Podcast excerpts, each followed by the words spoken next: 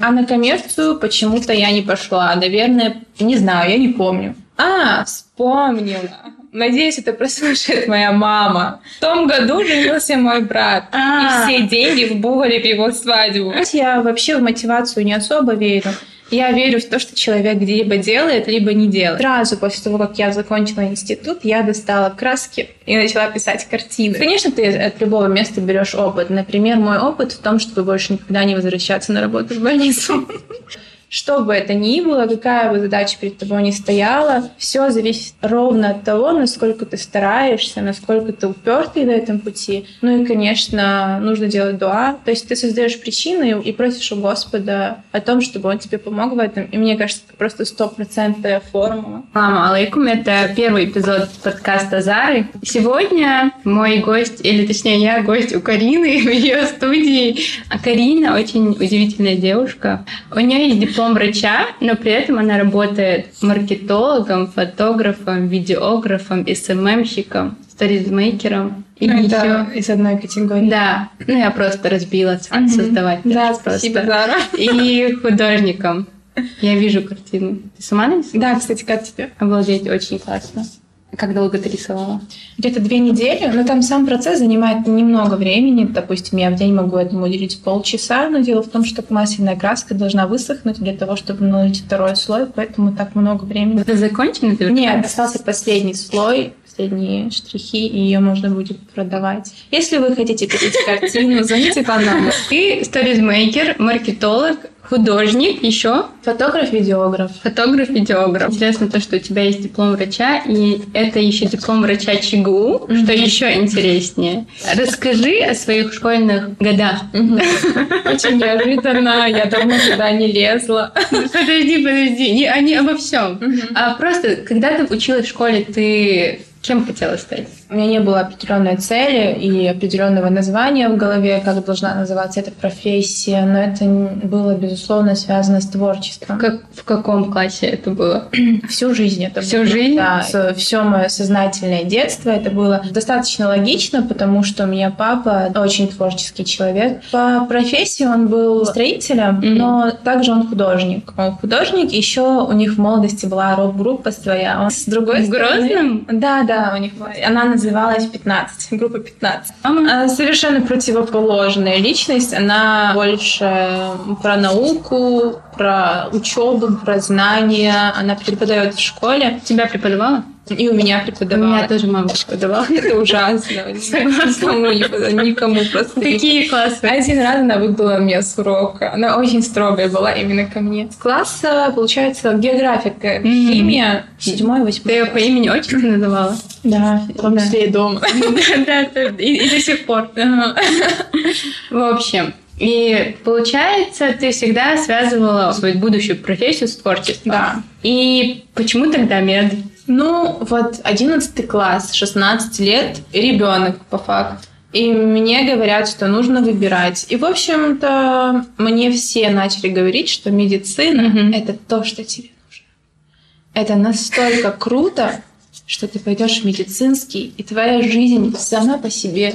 Не только родители говорили. а Да, вообще все. У меня вообще сестра Да. в тот момент училась в медицинском. В 16 лет ребенок реально все впитывает. И ты думаешь, ну действительно, В принципе, выбора профессии особо нет. Ну, не было Согласна, тогда да. еще. А И сейчас когда- побольше. Да, и когда я говорила, что я хочу в архитектурный, опять-таки это такой э, сузился у меня круг но в плане творчества, потому что у нас тут можно поступить только в архитектурный, чтобы как-то творчески развиваться. Мне еще тогда говорили, что ну такое, Галина, смотри, тут медицина, а, туда Какая пойди». архитектура? Да, какая архитектура? Кому она нужна? Ну, я знаю, что куда бы я ни пошла, в итоге я бы все равно ушла откуда угодно, потому что мне кажется, что все-таки медицина это было лучшим, что для меня могла предложить э, система образования России. И особенно в Чечне. Да, особенно в Чечне. Я помню, когда в 11 классе выбирала профессию, нам дали эти буклеты нефтяной, ЧГПУ Мгм. ЧГУ. Мгм. И ты смотришь, и там по факту только вот учитель, врач, экономист, юрист, ну и все. И Да, дальше да. то просто, если тебе не хватает баллов, то просто куда ты подаешь и Да, баллы у меня, кстати, были неплохие. все. Вообще я очень умная.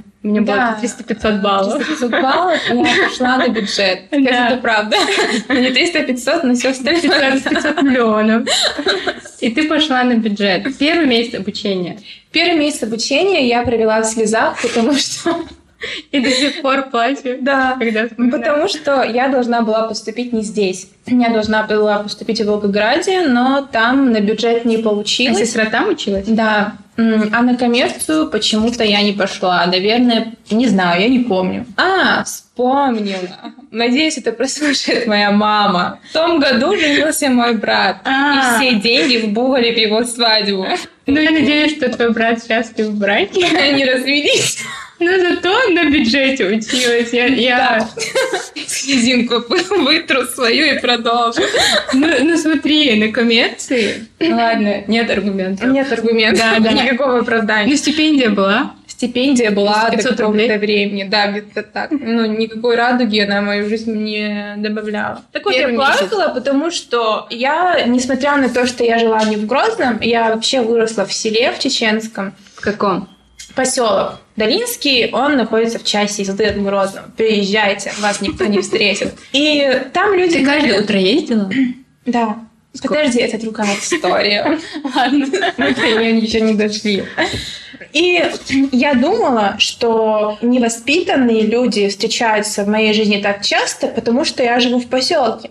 Но вот я перееду в Грозный, и там будет все прекрасно.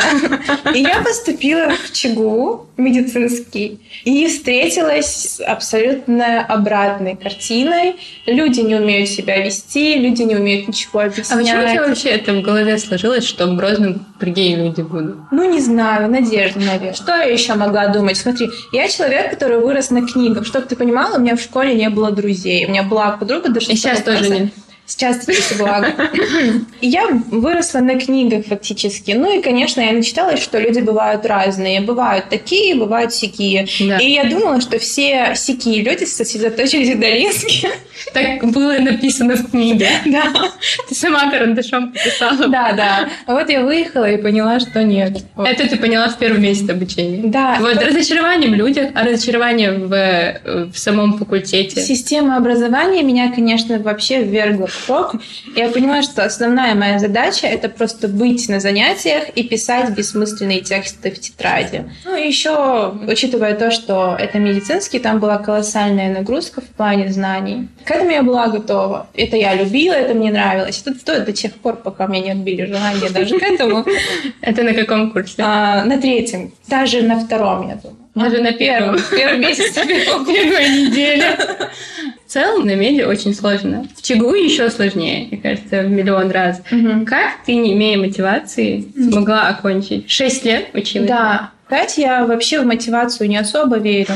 Я верю в то, что человек либо делает, либо не делает. Вообще я очень любознательный человек. Если я за что-то берусь, то я это изучаю. И вот мне было интересно то, что я учу. То есть я не была нацелена на то, чтобы быть врачом, но находясь здесь и сейчас, мне хотелось м, получить максимум знаний, которые мне могут дать люди. Но еще меня спасло то, что несмотря на то, что я училась в медицинском, несмотря на то, что все медики, они сто процентов своего времени отдают медицине, и я как-то вот этот весь свой негатив нивелировала в рисование. Я как раз в том- Параллельно ты успевала Да. рисовать?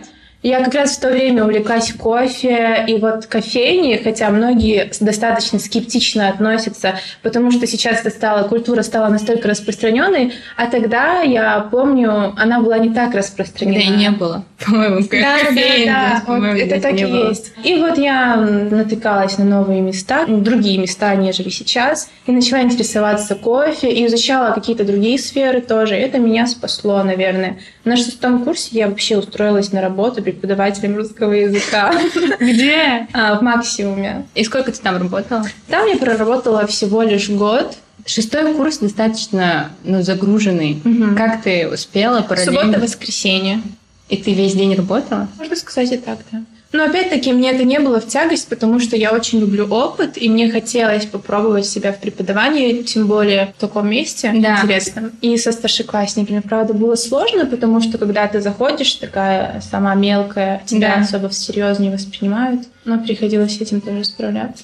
Шестой курс окончила, год работы в максимуме. Что потом? Вообще на протяжении всех шести лет я как-то потихонечку готовила дома к тому, что я в медицину не пойду. Но... Как потихонечку? Каждый день говорила, что не пойдет. не пойду.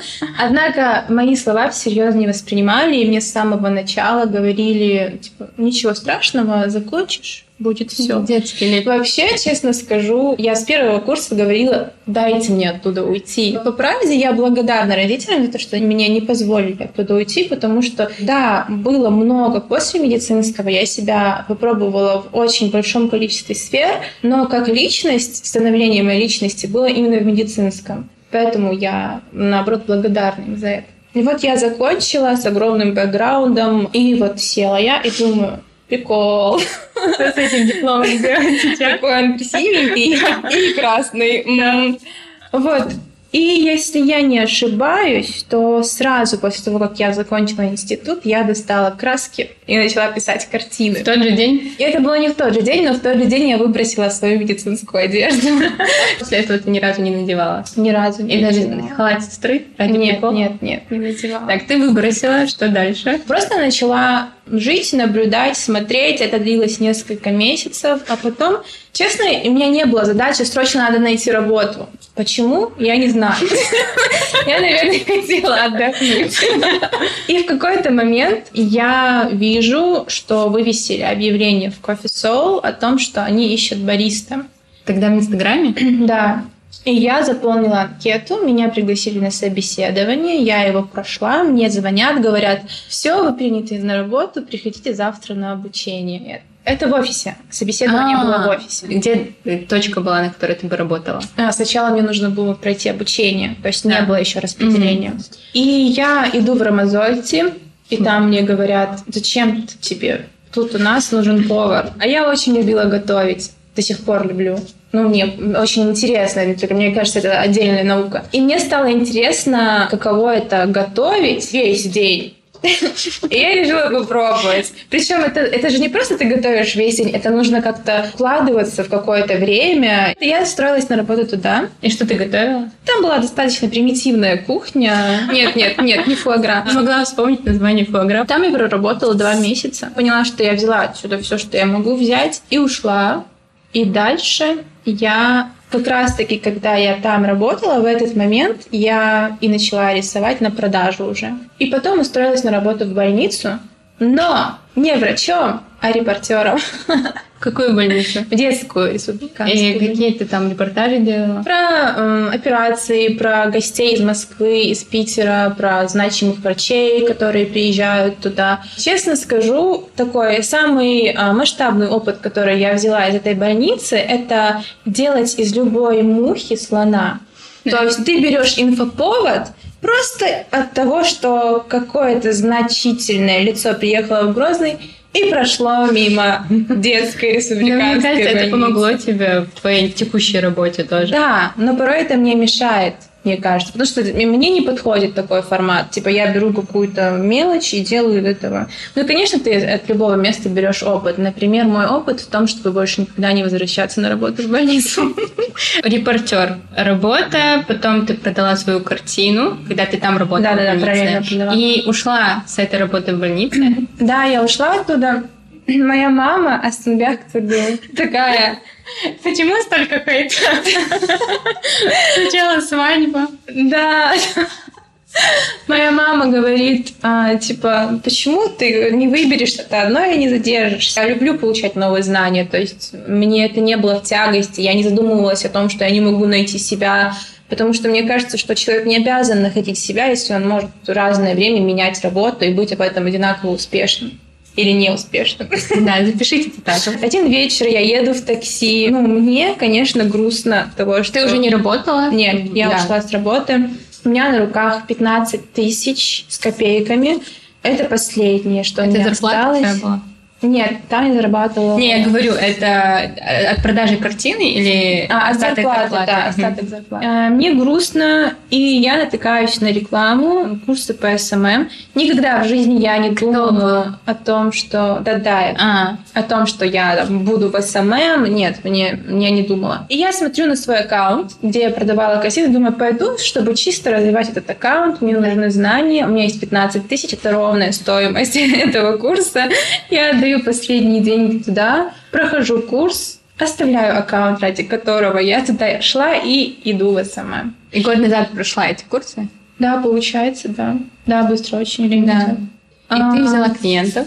Вообще я никогда не искала клиентов сама. Обычно из-за моего аккаунта, как раз-таки на котором я продавала картины, а я его ну, вела чисто интуитивно, но у меня был хороший визуал, и просто из-за этого меня даже до моих курсов звали на работу в SMM, и я начала, да, клиентов находить все больше и больше. И вот так вот я пришла в SMM через тернистый путь. И где-то три недели назад я посмотрела вот на этот свой старый аккаунт. Кстати, он для меня очень много значит, потому что фактически благодаря нему я, я проснулась. Я думаю, SMM это, конечно, круто, но я всегда хотела заниматься другим. Пишу на свой новый аккаунт. Кто-нибудь знает помещение в Грозном, какое-нибудь пустое мне, лишь бы оно... Две недели назад? Да, недели назад.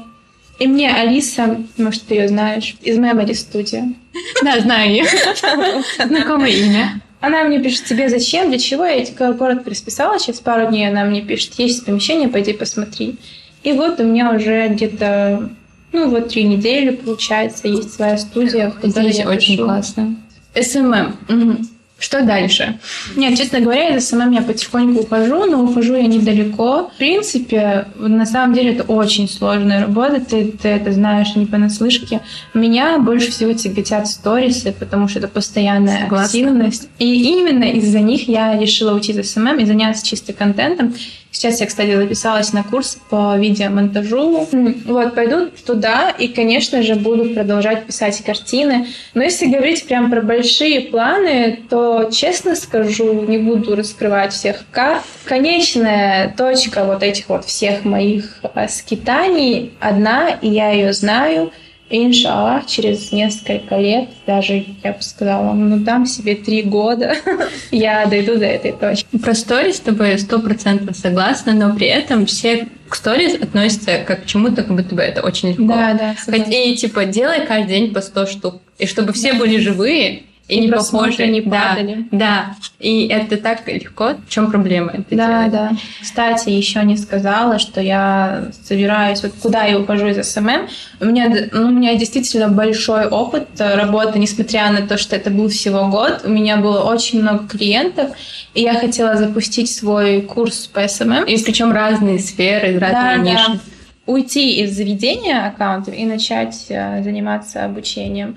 И вот за год этой работы, когда я коммуницировала с совершенно разными людьми, я, я понимаю, что процентов 5 из 100 ценят эту работу, а остальные, Даже 1%, наверное, да, остальные такие.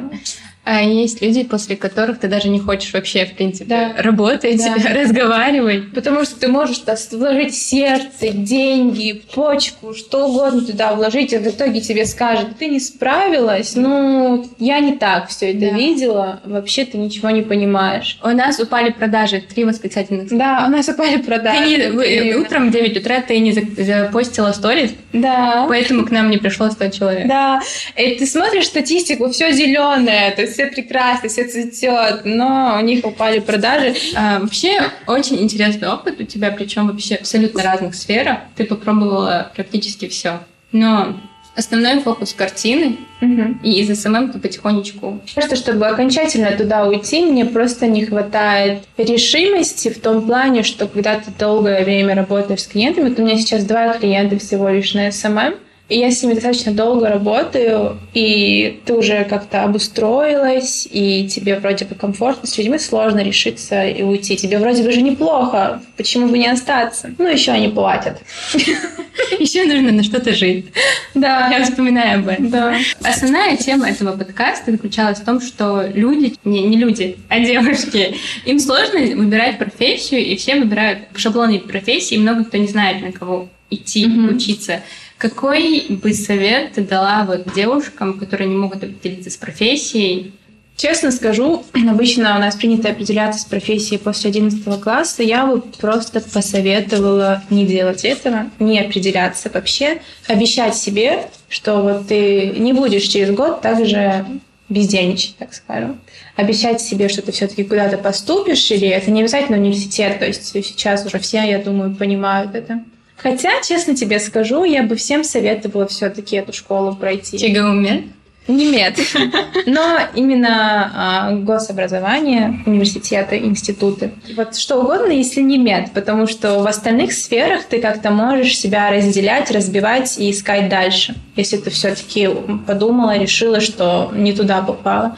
Так вот, этот один год себе дать, когда ты просто пробуешь, смотришь, Альхамдулиля, я сейчас замечаю, что все больше и больше девушек так и делают. Опять-таки, я работаю в разных сферах, и там мне говорят, я только закончила школу, я пока не решила, и вот я смотрю. Мне кажется, это лучший вариант. И в любом случае, что бы вы ни выбрали, я хочу стать, вот, допустим, художником. Я все еще это хочу, но мне не получается. И типа, может, это не мое. Мне кажется, это все крах. Нельзя ни в коем случае говорить, может, это не мое, потому что что бы это ни было, какая бы задача перед тобой ни стояла, все зависит ровно от того, насколько ты стараешься, насколько ты упертый на этом пути. Ну и, конечно, нужно делать дуа. То есть ты создаешь причины и просишь, и просишь у Господа о том, чтобы он тебе помог в этом. И мне кажется, это просто стопроцентная формула, да, чтобы согласна. достичь чего. Не, опять-таки, это как в мотивацию не верю. Я не верю в фразу «это не мое». Если тебе нравится, не нравится. В целом, я думаю, на этой ноте можно завершить. Спасибо, Карин.